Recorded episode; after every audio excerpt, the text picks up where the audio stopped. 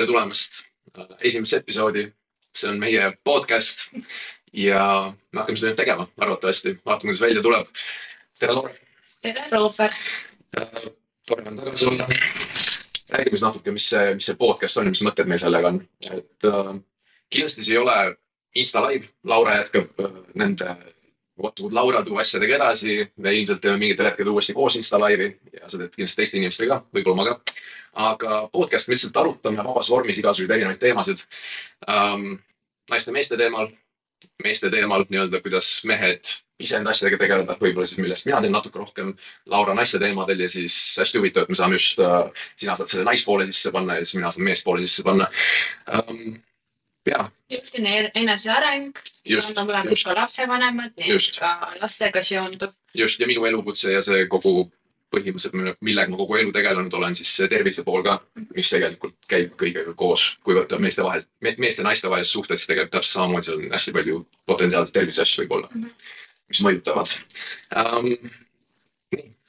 Laura, küsin kõigepealt, et äh, kas sul, kas sul peab siin sokid jalast ära võtma, seda, seda kästi küsida, sellepärast et kõik, kes siin intervjueerivad, siis äh, mitte, et me sind intervjueeriks, me suhtleme, aga kõigil on sokid jalast ära. mis värk nende sokkidega on? ja see, ma ei saa, ma ei saa neid nalju teha, vaata inimesed võtavad nii tõsiselt okay,. Okay. et siin, äh, siin majas on kaks reeglit. sokid tuleb ära võtta. ausalt ja hilineda ei tohi. okei okay., ja auto peab puhtaks pestud olema. ma vaatasin, ma sõitsin täna ette. See ei ole maja ees minu auto. aa, okei, okei. ma mõtlesin, et sul on niisugune okei mis sa auto. musta värvi, aga ja. see ei olnud minu auto okay., see oli naabrinaise auto. okei, okei, okei. Davai ikka pead minema terroriseerima kohe. jaa. tema auto oli puhas, kas, mul vist täna ei ole aega, ma võiks muidu kiiresti rääkida, ma arvan, see on natuke simp energy vaata, et ma tulin sulle, tulin podcast'i tegema, siis ma pesen su auto ka ära pärast. et see on natuke sihuke kahtlane. võib-olla see naine ei tunneks ennast mugavalt. ma arvan, et tal, ei tea, ma arvan, selgitaks ära selle minu kaaslasele. igatahes ütles, et kui, et kui siin väga jamaks läheb sinuga, et siis ta tuleb kolmandaks. jah, muidugi. kas tal jutt jookseb hästi? okei, äge, siis, siis võib tulla teinekord um,. nii, kusjuures äh, nüüd äh, me tegime selle laivi umbes, ma ei tea, see välja tuleb, ilmselt nädala alguses kuskil. aga me tegime laivi sinuga umbes sihuke poolteist nädalat tagasi, ma arvan. ja siis me käisime enne seda lõunal. see on naistepäev rohkem siis ju ah.? Okei okay,, kaks nädalat. kaks nädalat ütleme, jah, kaks pool uh,. me käisime lõunal sinuga, sa kinkisid mulle enda raamatu. Polnud jõudnud seda veel osta, aga ma lugesin selle raamatu läbi Äh, see on sihuke, ma ütlen ise äh, esiteks ma tahtsin seda teha sellepärast nii-öelda puhtalt austuse vastu, sellepärast et noh, number üks, sa kinkisid selle, teine ma teadsin, et me tuleme siia seda tegema, eks ole, varsti, siis ma tahtsin teada nii-öelda natuke sinust rohkem ja millest me räägime ja kogu seda teemat, sest et tegelikult me olime enne küll tuttavad, aga ma teadsin sinust pigem vähe ikkagi.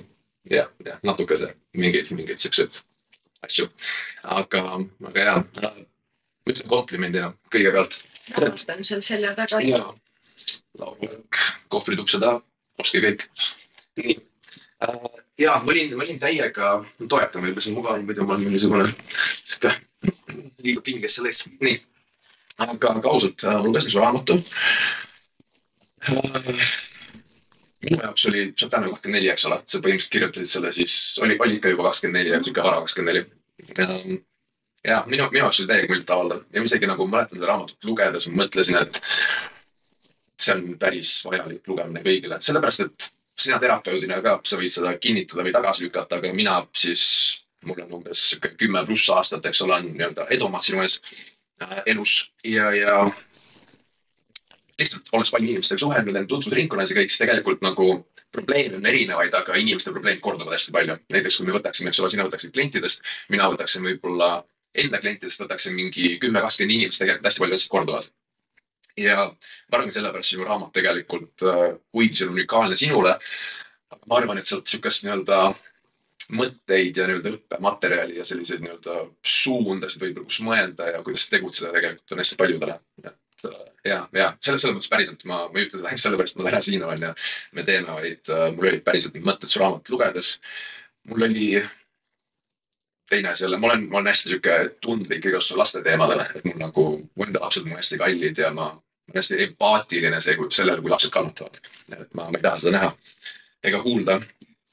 ja, ja siis mul oli sinu lugu lugedes nii-öelda, kui sa väike olid ja kõik see, kuidas sa üksi kodus olid ja, ja kõik see, et sa lihtsalt sul on see meeles, eks ole, sa kirjeldasid. et siis mul oli, ma tean, et see, see ongi vaata see asi, et kui sa täna täiskasvanud, eks ole, sa oled need kogemused läbi teinud, siis on see, et sa, sa ei taha kellegi kaastunnet. sul on see, et nagu mõista mind, ma jagan sulle enda kogemust, ma loodan, et ma saan kedagi aidata. no tegelikult mul paratamatult oli see, et nagu jõhkralt kahju oli sellest väiksest Laurast ja sihuke nagu ausalt, mul oli praegu pisar silma. et, et ja see, ma tean, maailmas kannatust hästi palju, aga, aga selle, sellepärast võib-olla ongi see nii-öelda ignorance is bliss, et, et kui nii-öelda, mida, mida vähem tegelikult mingeid asju teame, mis maailmas toimuvad, siis tegelikult mingis mõttes on kõik, sellepärast ongi, kui me kõike teaksime, siis ikka need, kes empaatilisemad ja tundlikumad inimesed, need oleks kogu aeg käpuli lihtsalt. aga ühesõnaga jah, et, et sinu lugus mul oli küll nagu, mul kahju oli sust, aga ma tahtsin nagu jälle kiitust ka avaldada, et see, kuidas sellest välja tulid ja isegi kui sa kirjeldasid tegelikult seda, kuidas sa seal ülikoolis, siis kui sul juba lapsed olid, eks ole, lõpetasid ja kuidas sa nagu täpselt, kuidas mingitel hetkedel olid ka laisk, ei viitsinud teha ja siis kuidas ennast kätte võtsid, et see oli hullult inspireeriv ja just nagu mitte lihtsalt see tegelikult, mis on paljude teiste inimeste olukord, on see, et nad on, kas nad on üksi või suhtes ja peavad ennast kätte võtma. sul oli kaks väikest last kodus, pluss oli tegelikult ju suhe ka, mis juba siis nagu enam-vähem ei toiminud. nii et sul oli ja rääkimata sellest suhtest vanematega, eks ole, mida see laste tulek ja nii-öelda rasedust teada saamine kõik kaasa tõi et see on kõik nagu metsik koorem, mille, mille all sa suutsid sellele pingele vastu pidada ja tegelikult nagu ennast kokku võtta ja tubliks saada, et see, see oli sihuke päriselt, ma ütlen ausalt, mina minevikus ähm,, ma olen natuke sellise obsessiivse, kompulsiivse nii-öelda käitumise ja mõtlemise ka, et või vahel on näiteks mul, ma soovitan enda klientidele ka näiteks, kui, et kui plaane teha või enda elu natuke organiseerida planeerida, siis hästi palju nagu, kui pähe mingi mõte tuleb, siis kohe üles kirjutada. et see mõte vaevama jääks. mul päriselt niimoodi, kui ma kui ma nii-öelda mingi mõte tuleb näiteks, mis ma täna tegema pean, mul see, kui ma seda üles ei kirjuta, siis see lihtsalt jääb ja jääb ja jääb. et äh, ma ei mäleta, miks ma seda rääkima hakkasin, kus ma, kus ma jäin endale. no see, et, et ma olin kunagi laisk. just, just, just ah,, ma tahtsin enda kohta siis näite tuua, et mul endal oli see, et, et pigem nii-öelda, kui ma noorem võib-olla sinuvanune olin, siis äh, tegelikult oli see, et ma võib-olla jäin selle probleemi ümber, nagu see probleem surus mind rohkem põlvili ja jäin kuidagi nagu sinna, kuni ma mingil hetkel suutsin selle ära lahendada. et täna ma õpetan muidu kõike seda, kuidas vastupidiselt seda teha, eks ole, ja kuidas kohe tubli olla ja tegutsemine kuidas toob nendest olukordadest kiiremini välja. aga, aga ja see, kuidas sinu näide lihtsalt ja mis oli ka see kahekümnendate täiesti alguses ja, ja kõik see elu raskus, mis sul selja taga oli ja sel hetkel ka toimus, siis nagu crazy. ma arvan, et seda enamus raamatu lugejad võivad äh, kinnitada, et see on jah ja, ja mis, ma ei tea, kas sul ongi siia omalt poolt midagi lisada. Ähm, kas sul on mingeid asju, ma küsiks võib-olla juurde mingi, mida sa raamatut kirjutades, ma tean, mul lugetakse lõppsõna ka, eks ole, lõppsõnas sa ütlesid, et sa võib-olla mingeid asju ei kirjutaks sel hetkel enam um,. kas sul on mingeid asju, mida sa täna nii-öelda teades, mida sa kirjutaksid võib-olla raamatusse juurde? kõik ütleme, et see, mis sinna sai, see jääb, aga midagi, mida sa kirjutaksid juurde? Mm, no see, see minu esimene raamat see lõppes väga õige koha peal. ja siis noh, ma tegin mingisuguseid suuri protsesse ka enda jaoks läbi eelmise aasta lõpus, sügisel ja nii edasi, on ju, millest me enne ka rääkisime. siis äh, tekkiski tunne, et issand, et aga ma nüüd arenesin veel edasi, et, et tahaks, et kõik inimesed nüüd teavad seda ka, et nüüd ma olen veel normaalsem nagu noh, et nüüd ma olen veel paremas mhm. kohas mm. -hmm. Aga tegelikult kuidas minu elu läks, oli see, et kohe, kui see raamat sai kirjutatud, noh sisu sai kirjutatud varasügisel, see järelsõna oli vist novembris. Äh, peale seda hakkas minu jaoks nagu uus ajastu. kirjeldad, kuidas? kerge, ilus, mõnus ajastu. noh, mul oli selles mõttes äh, meedia on mind portreerinud kui, ma ei tea, füürereid, kes on meeste peale vihane, keda on hästi halvasti koheldud, aga tegelikult juba väga pikka aega mehed on kohelnud mind fantastiliselt. tõesti, ma olen väga-väga õnnelik naine ja muidu ma ei saaks rääkida seda, et oi, et nagu ärge laske ennast halvasti kohelda, sest ma tean, mis on sellel teisel pool. sa võtad selle otsuse vastu, et sa oled väärt normaalset kaaslast ja et et sinuga käitutakse hästi ja sa teed ka kõike endast oleneva, et ise olla hea kaaslane mm. -hmm. mitte ainult see, et ma istun siin ja nõuan, onju. ma ju seda ei propageeri. et, et tegelikult minu elu, eriti minu paarisuhe, kõik see, see on fantastiline, see on kümme kümnest. ja ma nüüd tahaks nagu teisi ka aidata sinna kohta. tulge minuga koos nagu, et siin on nii tore olla. et, et see raamatu sisu et minu elu ei ole selline, nagu seal raamatus äh, siis kirja sai, vaid see ongi täiesti eelmine etapp. ja ma ei tea, ma olengi väga õnnelik nagu. seda on näha ka. seal oli kusjuures mm,, ma küsin enne kõigepealt ühe asja, siis ma lähen selle järgmise teema. ära karda, see ei ole midagi. trauma konkreetselt. ja, ja. noh. Äh, kaua sul raamatu esimesest sõnast kuni viimase sõnani, kaua see aega võttis, mitu kuud mm.? suvel hakkasin kirjutama. ütle mingi enam-vähem kuupäev. juuli. okei okay,, juuli algus. jah. Äh, ja siis novembri lõpupoole oli see viimane sõna. aga noh, reaalsus on see, et äh, esiteks ma olen, ma olen inimesena selline, et ma teen kõik, kõik asjad teen viimaseks tähtajaks ehk siis enamus raamatu kirjutamise perioodist jäi veel sinna sügisesse noh, ja siis olid mingid protsessid ka ja siis kõik läks nii, nagu pidi minema. aga kui sa tead, mida sa kirjutad ja kui sa kirjutad enda lugu, siis, siis sa lihtsalt istudki maha ja kirjutad. Noh, versus siis need näiteks, kes kirjutavad mingeid õpikuid või sellist teooriat rohkem mitte enda kogemust niivõrd, vaid noh, ma ei tea, mõtlevad mingeid asju välja, siis mõned kirjutavad ju viis aastat raamatut mm. ja siis ei ole ka noh, päris kindel, kas on valmis. et äh, ma teadsin täpselt, mida ma kirjutan.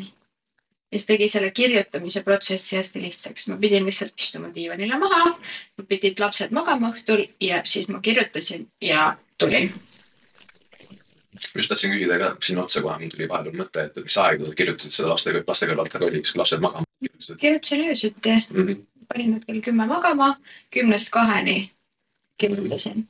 ja siis hommikul kümnest ärkasin nendega koos. ja, jah, täiega tubli.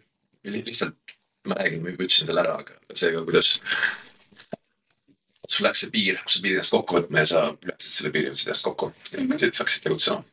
Jah, see järgmine teema, mis ma tahtsin küsida äh,, oli see, et me olime nii-öelda, kohtusime esimest korda just, kui sa olid seitseteist, midagi ei juhtunud nii um,. ma tean si-, no ma tean sind ja kõiki sinu sõpru teangi sealt, vaata, kes on meie ühised tuttavad. see oli, meil oli, äh, ma räägin siis hästi. väga huvitav selgitada alati. hästi jah, meil oli Pärnus olid alati need äh, Brasiilia Jiu-Jitsu ja MMA suvelaagrid ja siis uh, Laura tuli juhuslikult sinna ühe meie trennikaaslase, tolleaegse tüdruksõbraga tulid tööd tegema. ja siis uh, jõudsid meie juures, meil oli selline korter võetud selleks nädalaks ajaks, mis meil seal oli, aga siis jah, ma tean, see kõlab kõik nii siukselt jah ja., et, et võib palju mõtteid tekkida, aga aga jah, et äh, tol hetkel me saime tuttavaks, siis me natuke nägime, ma nägin, mäletan, kui sa veel tööd tegid, eks ole, teises kohas juba, siis ma nägin sind aeg-ajalt. ja et me tegelikult nagu rääkinud otseselt põhimõtteliselt ei olnudki enne seda, kui me kaks pool nädalat tagasi kokku saime ja lõunal käisime. ja seda Insta laivi tegema um,. mäletan siis äh,, enam-vähem nagu ma võib-olla teadsin, mida nagu oodata, vaata. mäletan esimene asi kohe, mis mul nagu meelde oli see, et äh, kui mina jõudsin natuke enne, kui Laura tuli, siis äh, mul tuli meelde kohe enam-vähem, kui sa jõudsid, et ma just parkimise peale panna, eks ole, mobiiliga ja siis äh,, siis ma hakkasin parkimist mobiiliga peale panema. ja siis mul millegipärast mul kõigi enda eelnevate autode numbrid on meeles ja millegipärast mul selle auto number meelde ei jää. ja siis ma ei suutnud seda välja mõelda. ja siis ma ütlesin Laurale seda ja siis Laura ütles, aga no mine vaata mul oli, aa, okei ja siis lihtsalt ma parkisin auto natuke kaugemale ka sellepärast mul endal kohe hõlm, mõtlesin ja lund sadas ja külm ja siuke rõve oli. ja siis ma olin mingi, ah okei, loogiline. ja siis, aga see oli, see oli kuidagi nii konkreetne selles hetkes. no vaata. siis, siis ma tõusin püsti, läksin vaatasin, et, et see oli, see oli nagu siuke kohe esimene siuke konkreetne asi, mis jäi meelde äh,. lõpus mõtlesin korraks, et ma küsin seda alguses äh,. siis ma nagu, kui ma kodus olin, siis ma mõtlesin, et ma küsin su käest, siis ma mõtlesin korraks, et ma ei küsi, aga ma küsin ikkagi. et lõpus oli siuke veider olukord nagu niivõrd-kuivõrd, ma ei tea, kas oli või mitte, lihtsalt ütle, sellepärast et see Laural see nii-öelda teema, et mehed maksavad ja tema ei maksa, on nii-öelda hästi teemas olnud, eks ole, kõik teavad seda ja siis nii-öelda tehakse nalja ja vaieldakse, et kas see on õige või ei ole. aga meil selline olukord, et me lõpus siis hakkasime ära minema, maksin arve ja, ja siis ma korraks unustasin, ma alati meeldan alati tippi, kui ma restoranis käin. ja siis mul korraks oli see, et mul tuli arve ära, ma ei mäleta, kas me hakkasime püsti tõusma või midagi, vist, vist tõusin, eks ole, just. ja siis ma vist nagu hiljem ma mõtlesin, et ilmselt nagu sa, sina arvasid, et ma ei jäta tippi. arvasid, eks ole. ma ma hakkasin vist siis nagu, kui sina seda ütlesid, siis ma hakkasin otsima, kes ütlesid, et mina jätan tippi, siis sa nagu jätsid tippi, eks ole. kas see oli nagu sinu jaoks nüüd nii-öelda kõigile siis väike mahlane pala, et kas Laura arvates see, et, et kui mees maksab, kui on selline sõbralik date, kas siis tipi jätmine on okei okay,, kui naine jätab, kui nii-öelda, et, et nii-öelda väike osa anda või, või pigem oli selline veider olukord kuidagi? ütle ausalt täiesti. tegelikult nagu, ma olen tegelikult normaalne inimene. et selles mõttes äh, ma pakun alati ise, et ma jätan tippi. Sest minu jaoks on see nagu, see ei ole ju selle mehega seotud, et ma teen sinu elu kergemaks, vaid see on see, et ma tahan, et sellele teenindajale tuleks tipp ja ma võtan vastutuse selle eest ja see ei olegi see, et nii, ma nüüd tulen, nüüd äh, toida mind, jooda mind, maksa kõik kinni, noh, see ongi jälle see, et, et need on need clickbait mingid Mhm. laused, mis on kuskilt välja võetud. Minu nagu see, okei okay,, räägime siis sellest arve maksmisest. Ja ma olen vestlusõhtul kusjuures rääkinud seda, seda, kuidas see arve maksmine meil toimus seal, aga kõik sa rääkisid, räägi täpselt nii, nagu seal oled rääkinud. ära ilusta seda sellepärast, et ma siin olen päriselt ja ma ütlen sulle kohe nagu enda kaitseks ette ära, et see oli päris, see oli mul ebamugav olukord, sellepärast et äh, minu, minu arust oli juba enne seda nagu ma ei olnud, sul, sul vahetult enne seda tuli välja see laserisaade vist eel, eelmine õhtu, eks ole. ma ei vaadanud seda, ma nagu otseselt, ma ei olnud selle arve maksmise teemaga absoluutselt kursis. ja siis, äh, siis mul oli see, ma ütlen ausalt, see, et sa seda tegid, siis mul nagu tekkis piinlik olukord, et see, fuck muidugi, siis ma hakkasin otsima enda raha, sul oli juba raha väljas ja ma ütlen ausalt, nagu ma olin selles mõttes, vaatasin nüüd see poiste video, eks tuli välja ja vaatan, nad tegid ka selle üle nalja, et ma olen täiesti selles mõttes, ma ei, ma ei mäleta, kas mind on kasvatatud niimoodi, aga lihtsalt see on nagu minu jaoks nii loogiline. ja, ja täiesti Liht- lihtsalt see, et nagu mees maksab ja selles mõttes, kui sa oled suhtes juba, eks ole, mingi mitu aastat olnud ja käid väljas nagu ja naine teenib nagu ka palju raha, siis see nagu ise jagate, täpselt Jah. ise jagate, täiesti sobib. aga, aga see, ei just, just, just koos ei ole esmakohtumised ja need kõik, see on, see on elementaarne, et mees maksab. ma ütlen ausalt, seda kohe enda lauga rääkida, aga mul, mul oli nagu see veits, veits oli piinlik olukord, siis kui selle ära ka panid, siis mul oli, issand, ma tahaks selle ise panna, aga see oli juba nagu tehtud ja siis kuidagi võid järgmine kord selle tipi lihtsalt mulle anda. panen sulle seekord, jätan. Nii. sinna, nii. räägi nüüd, kuidas sa rääkisid seda vestlust. nii, aga see ei olnud üldse, ma seda tipi asja ei pannudki tähele. kõik mehed alati imestavad, Laura, sa ei pea panema, siis ma ütlen, ma tahan panna. ja, ei mina jätan alati, aga see oli see olukord, see oli tore teenindaja oli ka jah, jah. aga see, seal oli niimoodi, et meil oli vene rahvusest meessoost teenindaja. see oli päris hea noh. Jah. minu arust ta läks täiesti vabalt eesti keelt või nagu. ei, tal oli ikkagi aktsent. oli okei näha, et ta on okei, venelane. okei, nii. ja mina olen kasvatatud ka üles traditsiooniliste, küllaltki venemeelsete pereväärtustega, see ongi see, et kasuisa tõigi mulle ka lilli mm. -hmm. nagu ja hoidis mind ka nagu printsessikest onju ja kõik need asjad, et mis on need traditsioonilisemad rollid ja nagu noh, ühesõnaga jada, jada, jada, nii, siis äh, toodi arve. Tänapäeval ju teenindajad jäävad nagu siia laua äärde seisma, onju, et nad ei too arvet ja nad ei lähe minema, vaid ta jäi vaatama meid. siis Robert ütles ka, jah, et, et ma siin mõtlesin, et teeks selle nalja, et kas maksame pooleks.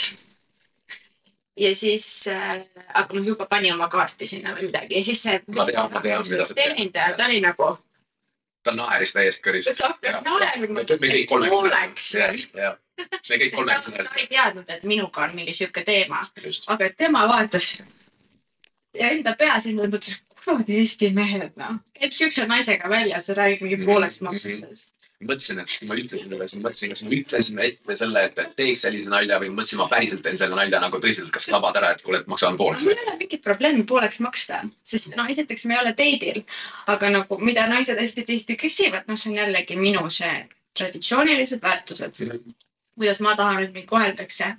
mul ei ole mitte ükski mees mitte kunagi teinud sellist nalja või nagu nii-öelda päris nalja, Mhm. et äh, Laura, et ma ei tea, esimene date on ju, magab võib-olla veel oma eksiga, toob mind välja või noh, me oleme suht messid inimesed nagu kohati. et kui me ei ole kokku leppinud, et me oleme suhtes, siis tegelikult igaüks on enda eest väljas, onju. jah, aga okei okay,, et tood siis mind esimest korda välja ja mul ei ole mitte kunagi olnud seda, et aa, et Laura, et oota, sul oli see, sul oli see pasta kaheksa üheksakümmend viis, davai, anna raha, vaata. Mm. et ma, ma ei tea, kuidagi ma olen ennast positsioneerinud niimoodi, et minu meessoost sõbrad, palju sugulased, eksid, armukesed, kõik teavad, et kui sa viid mind välja ja ma lasen sul koha valida, noh, see on samamoodi, ma lähen neljakümne aastase ärimehega restorani, ta viib mind kuhugi kallisse restosse, siis ta ei saa eeldada, et ma maksan seal tegelikult Mhm. kui nagu, aga noh, okei okay,, ühesõnaga, kui oleks teidil selline juhtum siis, siis äh, mul ei ole, mul on raha, mul ei ole mingit probleemi maksta oma pool arvet kinni, aga üks asi, mis on kindel, on see, et see esiteks aktsia Mhm. ja teiseks ma ei vasta rohkem sellele Mhm. telefonile ja ma ei tule sinuga kuhugi. muidugi. Ja mul on hea meel, et see arutelu on nagu ühiskonnas tekkinud. mul on väga hea meel, et lõpuks ometi siis need mingid mõned siuksed nagu tugevad ja julged mehed julgevad seda ka välja öelda. näiteks nagu Andrei ja Robin ja kindlasti sina on ju. et ja fakt ongi see, et mehed ei taha ju ise ka lontud olla. ja ma ei saa aru naistest, kes ütlevad, et nad tahavad endale mingit mõttetut meest, kes tööl ei käi. See on see kuradi propaganda ja nende naiste ajud on selle propaganda poolt nii pehmeks läinud. no see on, see on see, et kui mees maksab su eest, siis järelikult sa oled talle midagi võlgu. ja kui ta maksab su eest, siis sa oled temast nagu madalamal ja siis tekivad need naised, kes ütlevad, mul ei ole vaja, et keegi mulle isegi ust avaks mm.. Mm. noh, et praegu on nagu seis selline, mu sõbrannal on noorem vend. nüüd ta on juba gümnasist. ta oli vist äkki üheksandas klassis. Väga hästi kasvatatud noormees. avas seal koolis uksi tüdrukutele ja siis tüdrukud läksid täiesti endast välja, mis mõttes sa mulle ust avad nagu Mhm. mingi, jäta mind rahule mm. -hmm. et noh, kas sa oled näinud seda, jätkates enam-vähem samal teemal, siis äh, see oli mingi, ma arvan, kuu-paar tagasi.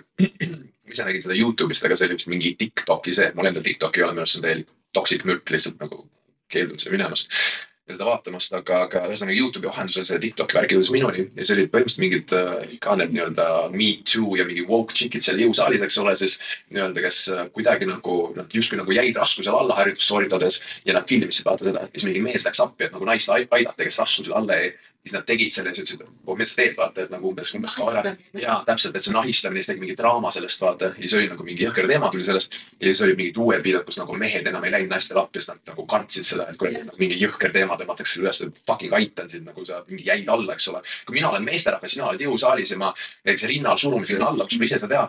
palun, palun tule appi. see on tore inimese. täpselt, täpselt, et see on, see on nii ajuvabaks läinud, see on, see on uskumatu jah, nii et jaa, lihtsalt äh, ma arvan, et praegu on selline hästi tormiline aeg äh,, kus lihtsalt igasugust jaburdust on ja ongi äh, äh, Ray Dalio on üks, ta on üks rikkamaid inimesi maailmas, ma arvan, mingi top kahekümnes, kolmekümnes. ta on hästi suur fond ja investor olnud pikka aega. ta ütleb ka, et, et sihukestel nii-öelda rasketel aegadel see populism ja kõik see nii-öelda see jaburdus kõik äh, hästi kasvab ja praegu see, mingi sugude üle vaieldakse ja, ja nagu kõik, kõik see teemas on tegelikult nagu üks asi, mida see teeb, on see, et see võtab hästi palju seda, seda aega ja energiat võtab nagu sealt ära, et nende õigete probleemide üle arutada ja siis täpselt ja siis lihtsalt vaidleme jaburduse üle, et äh, sellepärast ma olen ka meedias see broiler praegu, keda kasutatakse jah, ja siis, siis inimesed ei pane tähele seda, mis nagu tegelikult toimub. just ja see ka just ähm,. mõtle, korraks läks meelest. jah, korraks läks meelest mõte, see oli meediaga seotud, aga küll varsti tuleb tagasi kas me üldse lubame meedial oma podcast'i tsiteerida? ähm,. äkki lubame niimoodi, et küsivad meilt kommentaari enne, kas me, ei. ei, selles mõttes tegelikult ma arvan, et igasugune publicity on hea. Ja, ja kindlasti, kui seda tsiteeritakse kuidagi, siis natuke keeratakse üle võlli, eks ole, sest täna, mis tegelikult on meediaga, nad tahavad neid klikke saada pealkirju, eks ole, paljud inimesed tegelikult, kes vaatavad ju vaata, seal on nii palju uudiseid, nad lasevad selle pildi ja uudise või selle pealkirja vaatavad ära. Ja sa kindlasti oled ise ka näinud, see on ka hästi suur teema, et et pealkiri läheb suust kokku artikli sisuga. Ja siis vaadatakse ära ja siis tuleb nii-öelda tekib idee sellest või kujutelm, mis see nii-öelda uudis on ja siis vaadata seda ja siis ongi see mõte, et Laura ütles seda või toda ja Jah.. aga okei okay,, Robert räägi siis natukene endast ka. mm. -hmm. Lähme tagasi sinna rohujuure tasandile. see on ikkagi meie podcast. ja millega sa täpselt tegeled siis ja, ja mis on see alfalist ja, ja mis on sinu missioon siis tänase päeval, et mis väärtust sa tahad luua mm -hmm. maailmale? alfa vist on, ma algselt alustasin seda mõttega nii-öelda ainult meestele teha, aga tegelikult seal on, ma ütleks, viiskümmend, viiskümmend mehed ja naised on läbi käinud, et, et äh, täna ma teen seda täiesti naistele ka, mul on mingid asjad selles mõttes ära muutnud, et et ongi, kui naine liitub, siis ma saadan talle mingid, äh, mingi info, mingid emailid natuke, natuke teistsugused. aga, aga laias laastus nagu põhimõtteliselt ma õpetan printsiipide põhiselt. ja kogu see asi on üles ehitatud tegelikult ikkagi nagu vaimse tervise probleemidega võitlemiseks, aga koos sellega üks hästi suur osa, nagu me sellest laivis rääkisime ka, on see, et kui sa ennast nii-öelda füüsiliselt kätte võtad ja, ja ennast ületad sellega, ütleme, sa täna üldse trenni ei tee ka midagi, ületad ennast sellega, et sa hakkad tegema, hakkad ennast paremini tundma, siis tegelikult hästi paljud asjad su elus lähevad paremaks ja, ja seal on see trennivärk ja kõik on sees ka, see ei ole mingi, mingi trenni hullus, et nüüd sa ainult hakkad trenni tegema ja nagu oled väsinud kogu aeg ja kõik see, vaid lihtsalt ma tegelikult isegi, isegi lihtsalt põhimõtteliselt annan printsiibid, et kui sa näiteks oled kontoritööline, siis kuidas nagu mingi, näiteks mingi iga tunni tagant tee väike viieminutine paus, mine jaluta korraks, ma ei tea, kõnni paar treppi või mis iganes, et sa saad nii-öelda käima ennast ja mm, -hmm. ja korraks mõtte puhtaks ka. et, et tegelikult mu enda äh, kunagi, ma just saatsin tegelikult äh, täna on nädala alguses millalgi, nädala keskel saatsin uudiskirja, mul on sealt äh, Raudse tervisepäev, see oli mu eelmine koduleht, või noh, praegu eksisteerib ka. saatsin ja siis ma seal kirjeldasin ka ja ma arvan, et see võtabki kõige paremini kokku. kunagi, kui ma seda sihukest kolmekümne aastast väljakutset tegin nagu kehakaalu langetamist põhiliselt naistele, äh, siis oligi äh, ma müüsin seda nii-öelda rasvapõletusena ja kehakaalu langetusena, aga tegelikult mu enda nii-öelda salaagenda või missioon oli seal inimeste tervist parandada, vaata. see, see, need käivad käsikäes. kui sa hakkad paremini sööma, paremini magama, teed trenni, siis tegelikult su kehakaal langeb ja sa muutudki tervislikumaks. et need, need on kaks asja põhimõtteliselt, mis ilma üksteiseta ei käi. kogu see kehakaalu langus, see on see, et, et see, kui sa oled normaalkaalus, siis ei pruugi langeda, kui sa oled ülekaalus, siis kui sa lihtsalt hakkad paremaid valikuid tegema, siis see, lihtsalt juhtub ja see on nii-öelda kõrvalmõju. ja ta, jah. Sorry. jah sellega, noh, kuna sa naistega oled palju mhm, tegelenud mm, -hmm. siis noh, seal on naistel ja meestel ka on hästi tugev pool, see emotsionaalne pool. ja siis näiteks mul on üks sõbranna, kes äh, no mingi tiitlis siin mõned kuud ühe kutiga. Ja see kutt oli sihuke noh, beta, beta pluss, mitte suurem okay., pigem väga skinny ka ja ka nagu sihuke natukene pehmo või sihuke, et hästi heasüdamlik, hästi armas aga ei olnud mehi koha peal nagu nende suhtluses. kuidas see tõlgendus, kas ta nii-öelda ei tahtnud vastutust võtta ja valikuid teha ja nii-öelda asju orga-? noh, seal oli nagu see, et, et ta, no ma ei hakka mingeid neid näiteid tooma, see läheb liiale. kaudselt kuidagi sealt. noh, seal oli nagu täpselt see, et, et mees näiteks kohvikus maksis ainult oma saiakese eest ah,. Okay. ja siis ütles, näed, sa võid võtta, tellida endale. noh, et ta ei võtnud nagu seda yeah. juhtimist, et davai, ma tulen viin sind nüüd kohvikusse mm, -hmm. noh, asi ju rahas. aga nagu, et siis see mees käis tema juures hästi palju, sihuke nagu pigem sulandus selle naise ellu. mitte nad ei loonud koos midagi või siis see naine ei läinud selle mehe ellu. ühesõnaga, tšikk, üliäge mm. -hmm. Pidi olema tugev. et mida ta pani tähele, oli see, et nende mingi kuu või kahe jooksul siis ta keha hakkas vett kinni hoidma. tüdruku enda keha? jaa, ja ta hakkas kaalus nagu juurde võtma. kujutad, sõi samamoodi ja ta ütles, et ta tundis ennast nagu pinges, et ta peab nii tugev olema. kas mingeid muid asju, näiteks mingeid pille või midagi tulnud nagu ei tulnud? nii? lihtsalt okay. ma ei ole kunagi nagu see nagu nii kiire, et noh, ta on tal on need igasugused energiat lahti ja ta on nagu tegelenud nendega väga, et ta ongi tundlikum ka mm. -hmm. aga lihtsalt see, kuidas keha annab märku, et nagu. ja, ja väga huvitav. et, et see ei ole see. väga huvitav. sest ongi vaat see nii naljakas, ma mõtlen see, mis sa tõid praegu, see on tegelikult nagu veidi, ütleme, kui seda lahkama hakata, see on natuke nagu esoteeriline näide, eks ole mm, -hmm. et nii-öelda emotsioonidest seonduvalt siis nii-öelda jah, keha. ei ole teaduslikult. just, just mitte, et mina selles mõttes mulle, mulle väga meeldib see nii-öelda maailm ka, kus me ei suuda asju nii-öelda teaduslikult selgitada, sest kogu teadus on up ka. täna saad teadust saad kõike osta ja sa leiad kõige kohta nii-öelda ühe poole teadustöö ja teise poole teadustöö ka. kogu, kogu see teadus seitsekümmend protsenti, need, kes päriselt asja juures on ja nagu mõistavad, kuidas teadus töötab, siis need ütlevad mingi seitsekümmend, kaheksakümmend protsenti teadust on täielik jama. nii et selles mõttes on ka nagu igatpidi selle korporatsioonide raha poolt ära rikutud. aga, aga jah, et see on hästi huvitav seal, ma ise selles mõttes, kui ma näiteks selle sõbrannaga sul koostööd teeksin, ma kindlasti uuriksin hästi põhjalikult läbi. nagu kas seal oli mingi muutuja, mis juurde tuli, nagu sa ütlesid nagu, et ise, kui sa ütlesid, et lahtine inimene nii-öelda, et, et tunneb ennast ja on endaga nii-öelda kooskõlas igatpidi, siis, siis järelikult jah et, et see oli sellise muutuja. kas sa tahtsid mult küsida, et või tahtsid selle näite tuua või tahtsid tahtsin näite tuua seda, et ma ei teadnud, et sa oled naistega ka nii palju tegelenud. hästi palju? aga kuidas naistel siis äh,, okei okay,, noh, jah, me algame nagu selle kaalu langetamise printsiibi all, aga kas siis üldiselt elud läksid ka paremaks või? ja, ja muidugi, mul oli seal, ma toon korraks näite veel, et naistel kindlasti, ma arvan, su sõbranna võib-olla teadis seda ka, vaata kuuperioodidega ka, et nii-öelda vett nagunii kogub, et ma ei tea, kas selle nagu, ma eeldan, et ta nagu mõtles selle läbi ka, et see ei seondunud sellega. no see oli alati mul nende naiste kaalu näiteks programmides oli ka, et nii-öelda korraks võis seisma jääda, võis tõusta ja siis läks edasi, et see oli sellest seonduv. aga sorry, mis su küsimus oli, tuleta meelde palun.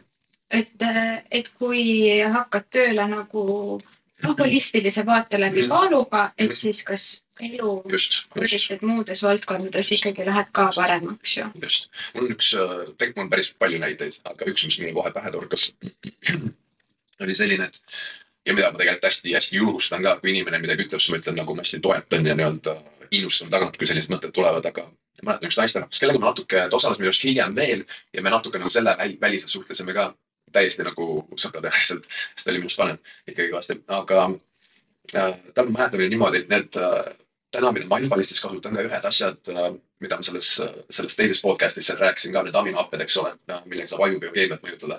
Need konverteeruvad konkreetselt nendeks äh, neurotransmitteriteks või biokemikaalideks, mis meid panevad paremini tundma. see oli sihuke alguse aeg, ütleme, kus ma neid alles kasutama hakkasin ja mäletan sihuke hästi positiivset, hästi palju positiivset tagasisidet kohe nende kohta. siis mäletan, sellel naisel oli niimoodi, et ta esiteks ta rääkis, kuidas ta ma alati muidugi töölt koju läks ja see oli sihuke esimene asi, pokaal veini vaata, et sihuke nii-öelda kogu see pinge maha saada ja kõik ja siis nii-öelda õhtut nautima hakata. ja, ja siis tal, tal, tal põhimõtteliselt oligi niimoodi, et ta, ta selle programmi ajal ta otsustas enda töökohalt ära tulla ja nagu, et asjad läksid nagu jõhkralt paremaks.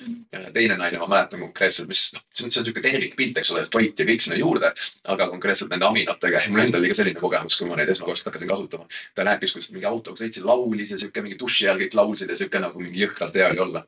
mäletan ise, kui ma kunagi esmakordselt neid, ma elasin sihuke ligi aasta elasin USA-s ja siis äh, ma tol hetkel tellisin, see oli ka sihuke nagu suhtlesin ühe Eesti neiuga ja siis ta ühesõnaga õppis USA-s, eks ole, mina olin San Franciscos, tema just teises kohas äh,. siis me Eestis nagu suvel hakkasime suhtlema, siis me sügisel mõlemad läksime tagasi, ma läksin talle külla ja ta oli nagu hoopis teistsugune. ta, ta oli selline nagu täiesti lukus ja sihuke nagu ühesõnaga täiesti. ja, ja, ja siis ma olin nagu noore mehena, mis ma olin mingi kakskümmend neli, kakskümmend viis, ma arvan, ta oli mingi kakskümmend üks ja siis ma ei saanud aru nagu, mis toimub absoluutselt. ja siis mul oligi, mul oli niimoodi, et mul olid, mul ei olnud näiteks palju raha sel ajal ja kui mul olid lennupiletid ostetud, ma ei mäleta, äkki mingi seitseteist päeva või midagi niimoodi, tema juures olla ja nagu kuna ma läksin külla ka, siis ma ööbisin nagu ma magasin nagu ühes voodis, vaata, aga nagu ta oli täiesti niimoodi, et nagu kohe mingi lennujaamas mitte mingit musi, mingit nagu, nagu kõik enam ei tahtnud kainistustki anda, ma ei saanud aru, mis toimub. ja mäletan, ma, ma olin just selle raamatu, kui ma seda info algselt sain nende aminate kohta äh,, olin just läbi lugenud. ja siis ma tellisin Amazonist endale ära need ja hakkasin neid võtma ja siis oli ka sihuke mingi, muidu oli nagu sihuke nagu, saad aru, sa oled nagu põhimõtteliselt okei okay,, ta käis koolis, eks ole, aga me nagu päris palju päevast veetsime aega koos. ja sihuke rõve oli olla, sa näed, et teine inimene lihtsalt ei taha, et sa seal oled, lihtsalt nagu üliülisitt oli olla. ilmselt oli ka see nagu see tekitas minus seda beeta energiat, eks ole, mingi küll lontu seal kõrval, kes. ootad. ja täpselt ootan, no mis nüüd ja siis nagu, et ma, ma kujutan ette, tal oli mõte, et tule võta ennast kokku ja kui ta ostab lennupiletit, tõmba, minema siit vaata. ja siis ma mingi mõtlesin, et ma otsisin mingeid asju nagu, et võib-olla sõita kusagile, kuskile mujale minna ja sihuke. aga siis lõpuks põhimõtteliselt me jäi lõpuni sinna. ja siis oligi, et tänu nendele aminotel mul nagu enesetunne läks jõhkralt paremaks.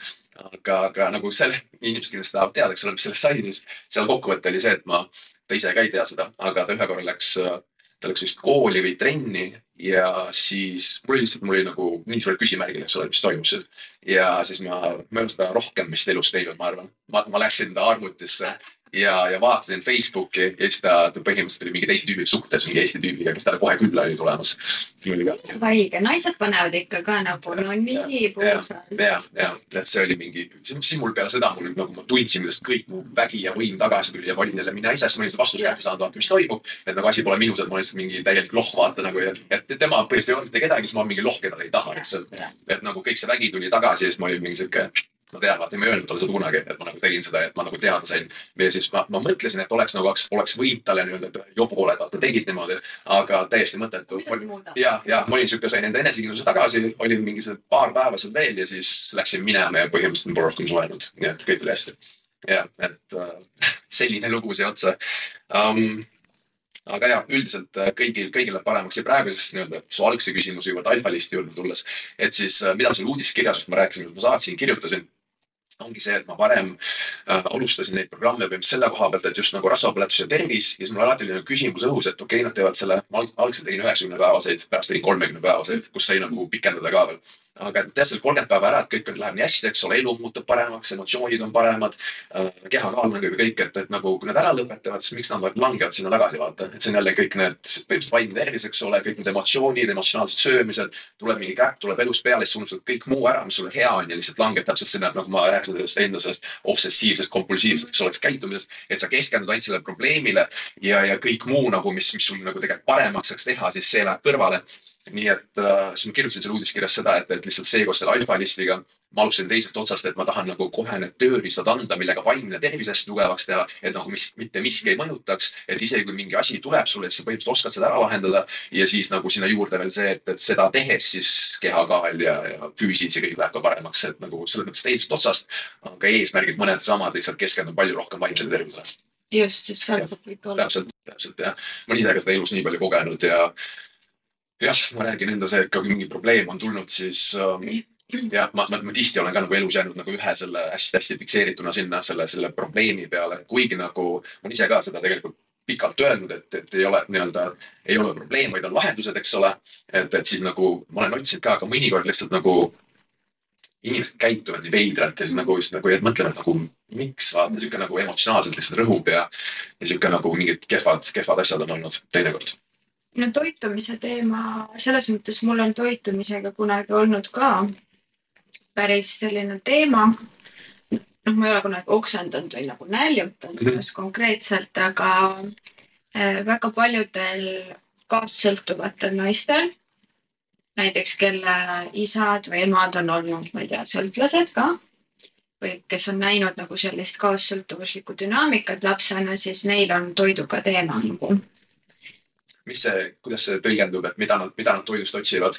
loovutust, armastust okay,. Äh, naised või noh, üldse inimesed, kellel on armastuse puudus sees, kellel, kes ei ole lapsena saanud piisavalt armastust mm, -hmm. siis äh, nad on tihti päris ärevad.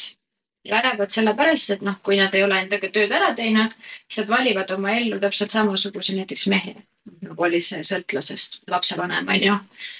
ja sa ei saa sealt ka seda armastust ja siis sa oledki ärev. see on see klammerduv ja eemalehoidev kiindumusstiil mm.. tegelikult, kui sa oskaksid endale valida kaaslase, kes äh, armastab sind nii, nagu sa soovid, siis sa ei ole enam ärev. aga okei okay,, et kui ma olin nendes mingi ebatervetes suhetes, siis äh, noh, ma jõin veini samamoodi nagu konkreetselt niimoodi, et õhtul, kui ma koju jõudsin, oli vaja juua mm. -hmm. aga teine asi oli toit ja noh, mul on alati meeldinud süüa teha. aga mu elu keerles hästi palju toidu ümber. sain sealt nagu seda lohutust. kas valmistamisest või söömisest ka? söömisest ka? jah, et on või noh, ei olnud üldse mingi erakordne see, kui ma võisingi süüa suure krõpsupaki näiteks korraga ära mm -hmm.. sellepärast see kõht on tühi mm, -hmm. aga siis sa nagu matad mingit mm -hmm. seda mhm. teemonit enda sisse tagasi, onju, nende krõpsudega yeah ja siis, kui ma läksin äh,, ma kaalusin vist mingi viisteist kilo rohkem kui praegu. olin sihuke nagu nunnukas ikka, aga. mis vanuses umbes? no mis siis oli, kakskümmend. okei okay. mm -hmm., peale kogu seda kõige raskemat jama, eks ole. jah, aga ikkagi oli kaassõltuvus olnud mm. -hmm. enne lapsi, ühesõnaga mm, -hmm. et äh, et ma nägin hea välja, no ma olin lihtsalt, kui ma vaatan praegu pilti, siis ma olin lihtsalt ümaram näol mm -hmm. nagu, aga muidu kõik oli ikka sama. ja siis, kui ma selles suhtes läksin lahku hakkasin üksinda elama ja ma hakkasin endaga tegelema, siis kaal hakkas hullult langema. ma ei teinud mitte midagi selle jaoks, aga ma hakkasin tegelema mm. -hmm. ja siis nüüd ongi see, et tänasel päeval mm, ma ei mõtle niimoodi toidu peale. ei ole see, et ma mõtlen terve päev, et mida ma saaks õhtul süüa, vaata sest see ei ole enam minu see nagu poison ja mis ma arvan, mis selle üks hästi oluline asi on um,. Need inimesed, kes on, ütleme raskes kohas, seal automaatselt tuleb, me rääkisime seda eelnevates näidetes ka hästi palju, aga tuleb see füüsiline passiivsus juurde, et sa nagu istudki ja mõtled ja seda nagu seda sitta seedid lihtsalt mm -hmm. kogu aeg ja nagu. ja mis sinna juurde tuleb, on see, et kui sa oled, ütleme seal kohapeal näiteks kodus siis ja, ja lihtsalt, kui sul tegevust ei ole, siis automaatselt on see, et nii-öelda võtad selle nii-öelda söögiga ja täpselt kui sinna emotsionaalne söömine, eks ole, juurde, siis see tekitab selle, mis sul täna on, on see, et sa, eelmine kord, kui sa rääkisid, need graafikud tekkis, nagu sa sõitsid põhimõtteliselt, me tulime, eks ole, siia, tegime laivi, siis sa sõitsid mingi Rakvere, sõitsid vestlusõhtut tegema yeah., et sa nagu, sul lihtsalt kui sa rääkisid natuke sellest põhimõtteliselt, mis sa see nädal, too nädal siis tegid ja teed, siis mul et lihtsalt ja mul oli sellel nädalal kolm vestlusõhtut. ja, ja, ja et sa oled, sa oled ülipisi ja see ongi see nagu pluss veel, kui sa ütled ja see on täiesti näha, et sa oled endaga heas kohas. et siis lihtsalt sa nagu püsid tegevuses juba see nagu emotsioon, mis, mis, mis sealt tuleb, et. jah, ma elan elu. jah, täpselt, täpselt, sest mul endal näiteks võin rääkida see, kui, kui ma alfalistiga tegelen. mul on tänu sellele, ma ei suuda bullshit ida, mul on kui ma ütlen neile, et, et soovitan, et tehke niimoodi, sellepärast vähemalt testige, kuidas teile sobib, kui midagi vaja muuta, siis ma saan aidata, eks ole, midagi muuta. aga kui ma soovitan midagi, ma ei saa ise mingi kodus mingit kräppi süüa, vaata. kusjuures ma just uh, mõtlesin, ma panin, uh, ma analüüsisin natuke ennast, ma olen vaata Instasse viimasel ajal mingit, mingi jõusaalis natuke videosid teinud ja nii edasi ka. kõige viimane see uh, jõutõmbe video ja siis ma ütlesin sinna ette selle, et et nii-öelda eelnev seeria oli hästi raske, juba palju, palju väiksema sellega, et ma, ma arvasin nagu kohe peale seda eelnevat seeriat raske, nii-öelda, kus raske oli, siis ma mõtlesin, et, et see, mis mu eesmärk täna oli, see kakssada kümme kilo, et ma nagu olin täiesti kindel, et ma ei tõmba seda ära, eks ole. ja siis nii-öelda tegin sinna väikse sihuke hästi mingi siukse motiveeriva nii-öelda paar sõna ette. et, et nii-öelda, et aga minu profiil ei ole see hädaldamise profiil, vaid see, kus asja teha tehakse, eks ole, ja siis nii-öelda tõmbasin üles selle. et siis, kui ma ise seda pärast järgi vaatasin, siis mul oli automaatselt ma ütlen ausalt, mul, mul veits mingite selliste kohtade peal on, ma, tean, et ma teen palju rohkem nagu asju, kui enamus teevad äh,. on ikkagi seda tunduvalt rohkem aga, aga mul tuleb nagu, tuleb sihuke imposter syndrome või see, et nagu, et ma tunnen, et nagu ma tegin sellise motiveeriva video, siis ma enda peast tean, et ma tegelikult võiksin palju rohkem teha mm. -hmm. et persse ma nii vähe ja mul ei ole mingit, mingit traumat sellega, et nagu, et keegi mulle öelnud, et kuule, et sa oled laisk või sa ei tee või. on elus, mul olnud hästi aktiivseid perioode, kus ma ennast läbi põletanud täiesti nii palju teinud. ja siis ma arvan, nende võib-olla nende läbipõlemiste nendega ongi see, et siis ma nagu olen hästi palju peale neid seda tasakaalu üritanud otsida, et ma nüüd nagu selle tööga, ma ei tohi liiale minna, sest ma põletan läbi ennast jälle. ja siis üritan hoida ja siis võib-olla tööd on nagu liiga vähe tulnud hoopis mm. -hmm. et, et aga, aga ja, et see üks sihuke nagu, mäletad, noh, või hiljuti ka, et kui ma olen enda neid videosid vaadates mõtlen, et see, see just nagu see eelnevalt, vaata, ma tõin sulle näite, see David Goggins, eks ole, see, kes nii-öelda ultramaratone ja mingeid sada, sadasid miile neid jookseb. ma loen praegu tema seda raamat, teise raamatu lõppu ka veel, just eile õhtul lugesin jälle mingi tund või tund pool. ja siis mul oli, et see pekkis, ma teen vähe, vaata. et ma nagu, ja see nagu tegelikult, miks ma seda räägin, ei ole see, et nagu et ma endale kaasa tunnen või ennast haletsen, vaid on see, et see on päris motiveeriv ja ma tahan rohkem teha. ja ma nüüd nagu ma mõtlen nagu kogu aeg mu aju genereerib, et kuidas ma saan mingeid asju nagu välja mõelda, kuidas, mida, mida siis natuke rohkem teha, et mitte lihtsalt, et füüsiliselt nagu trenni koha pealt aktiivsem olla, vaid lihtsalt nagu tublim enda asjades olla. et päriselt, et ma ei oleks see bullshitter, kes nii-öelda kaamerasse ütleb, et, et kuule, ma nüüd tõmban selle suure raskuse üles ja käin siin trennis iga hommik kell üheksa, vaata. ja siis nii-öelda teen seda, et nagu kui, kui ma vähegi seal valetaksin, päriselt neid asju ei teeks, siis ma siis ma ei teeks neid rohkem lihtsalt mm. -hmm. ja, aga lihtsalt no neid tehes nagu neid vaadates ma tunnen, et pean veel rohkem tegema. et kuidagi, ma ei tea, kuidas, kuidas sa sellega suhestud? kuidas sul ütleme see, mis sul, mis sa täna teed ja see tagasiside, mis sa klientidelt saad, kuidas see mõjutab sind siis? no Instagram on minu jaoks nagu üks maailm, see, mida ma teen siin klientidega, see on täiesti teine maailm äh,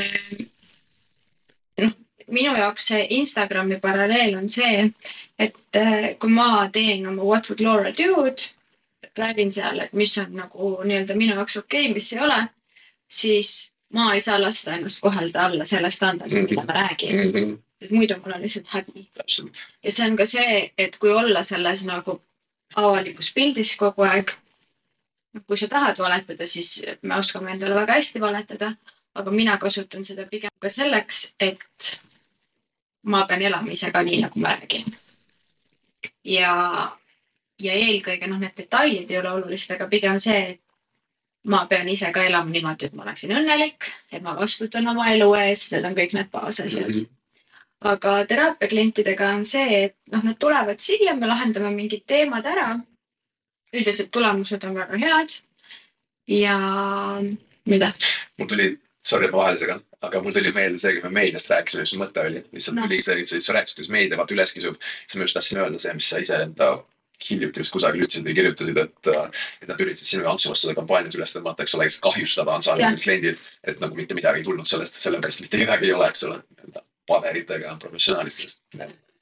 ma hakkasin, jah, ma tegin süüa, ma hakkasingi mõtlema, noh. ma nägin, et, et see möll tõmmati uuesti üles Antsu vastu, onju. Ja siis ma hakkasin mõtlema, et okei okay,, et tegelikult oli ju see kampaania ja tegelikult mitte ühtegi lugu mitte Mhm. keegi ei avaldanud. ja siis nüüd ongi see, et aga see ei ole ka neil siis meeles, et aa, et me tegelikult ju nimetasime neid petisteks Jah. inimeste kahjustajateks, libaterapeutideks, et selle eest nagu vastutust ei võeta aga noh, ei, selles mõttes, ega s- kui sa tead, kes sa oled, siis mitte ükski ajakirjanik ega mitte ükski inimene kuskilt ei saa tulla sulle ütlema, kes sa tema arvates oled. sest äh, lugeja kirjutab raamatu. samamoodi nagu Instagrami scrollija kirjutab enda peas selle Instagrami ja kõik need asjad, et ma, ma ei tea, kuigi elu on olnud suur kaos alates sellest, kui raamat välja tuli, nagu just tööalaselt mm. -hmm. Ma tunnen, et ma olen võitjana välja tulnud ja ma olen õnnelikum kui kunagi varem.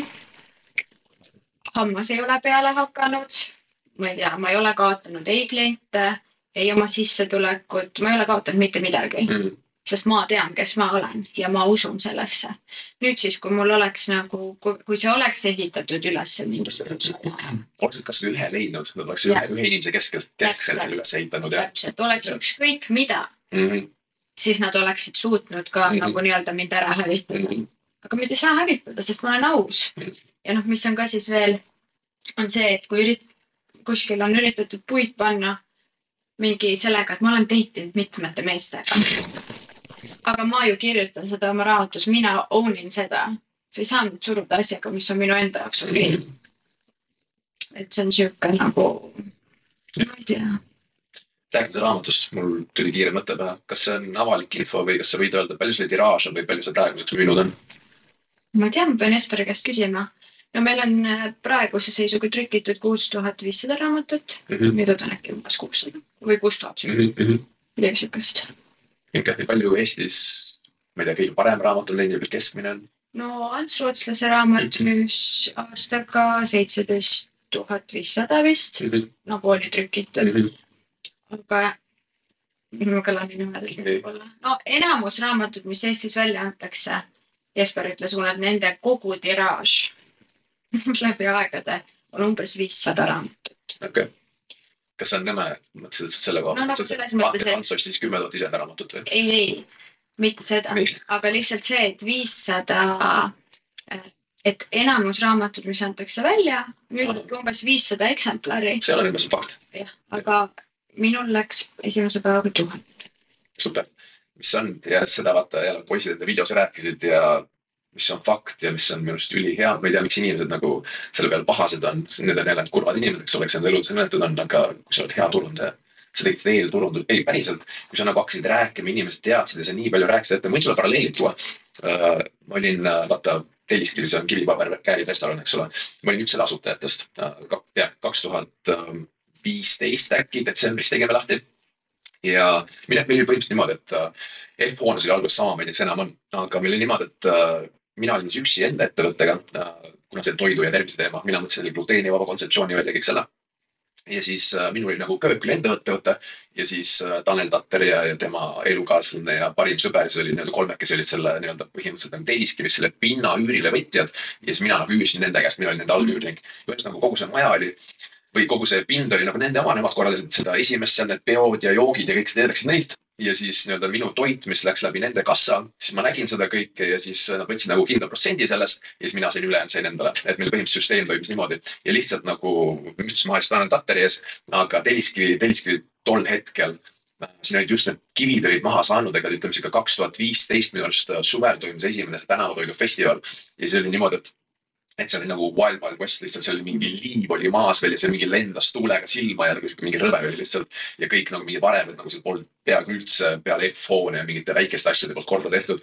aga lihtsalt nagu Tanel, Taneliga oli see, et Telskivi tegi juba sinna nagu turunduse koha pealt hästi head. seal oli, äh, ma ei mäleta, Reimo või mis ta eesnimi oli, igatahes üks tüüp nagu tegi seda ja nad korraldasid, ma mäletan, üks oli sihuke mingi, mingi kusagil seal nagu kus praegu Reval Cafe vaata, seal koridori peal üks sihuke väike nii-öelda nendest, kes sinna siis tulevad ja, ja ühesõnaga ja meil oli see, et me tegime nagu, me avasime detsembris, aga terve see aasta me tegime ette nagu Tanel tegi nagu hästi sihuke korralikult tegi turundust niimoodi, et lihtsalt nagu pani pilte, et kuidas meil edeneb ja mm -hmm. ehitusjärgust ja siis täpselt nendest festivalidest, me tegime. ja sellega nagu enamasti tänu Tanelile me suutsime tekitada nii, nii suure baasi sellega, et inimesed ootasid täiega vaata see gluteenivaba värk ja kõiksugune tervisevärk ja siis meil oligi niimoodi, et algusest peale, kui me uksed avasime, meil oli põhimõtteliselt nagu polnud see, et mingi tutvu, tutvumisfaas oli ja ütleme, et täna on käive on nii-öelda mingi viis tuhat ja siis ma ei tea, mingi kuue kuu pärast on viiskümmend tuhat või meil oli põhimõtteliselt nagu stabiilne. ma ei olnud seal kaua, ma müüsin lõpuks enda osa neile maha võtsid selle täiesti üle, aga nii palju, kui mina olin algusest peale, ma olin sihuke mingi kuus-seitse kuud, siis see oli nagu alguses kohe oli täpselt sama enam, mis ta lõpus oli, et nagu, et seal suudab.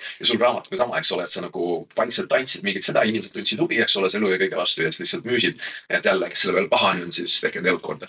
et ärge olge pahased, aga ülitublid ja, ja, ja see nagu, ma ei tea, mis inimestel pahased selle peale on, kui sul, kui sul tundub huvitav inimestele natuke jagad ja kirjutad sellest, siis ma ei tea, inimesed on veidrad kurjad on kõik.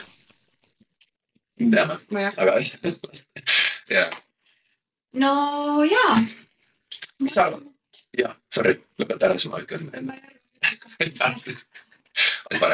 ma ütlen. ma olen passiivne, vaata nagu kõik arvavad et see on sihuke naisenergia on hästi passiivne. ja ma tegelikult tahtsin öelda, et ma ei ole kella vaadanud, aga ma arvan, et me võime vist esimese episoodi, mis sulle tundub? ma seda tegelikult hakkasin praegu ütlema, jah, et me esimese episoodi võime varsti kinni tõmmata, sest me oleme päris huvitavaid ja piisavalt siin rääkinud palju, nii et äh, siis äh, äkki teeme millalgi teisega äh,. lõpetussõnad ähm,. elu on tegelikult lihtne mm. -hmm. Ja jälle valikud elus, kõik on valikud elus ja me oleme alati vabad oma valikutes. ja see on see, mida ma igal pool, kus ma käin, ma tahan rõhutada inimestele. kui sa ei ole rahul, siis muuda. kui sa ei saa muuta, siis sa pead aktsepteerima. aga enamus asju tegelikult me elus saame muuta. tead, mis ma arvan, mul tuli kohe üks mõte, mis ma tahaks öelda, aga ma jätan selle teise episoodi jaoks. ma arvan, teist episoodi alustamegi niimoodi, et või võib-olla pikalt sellega, võib-olla tulebki kogu episood sellest.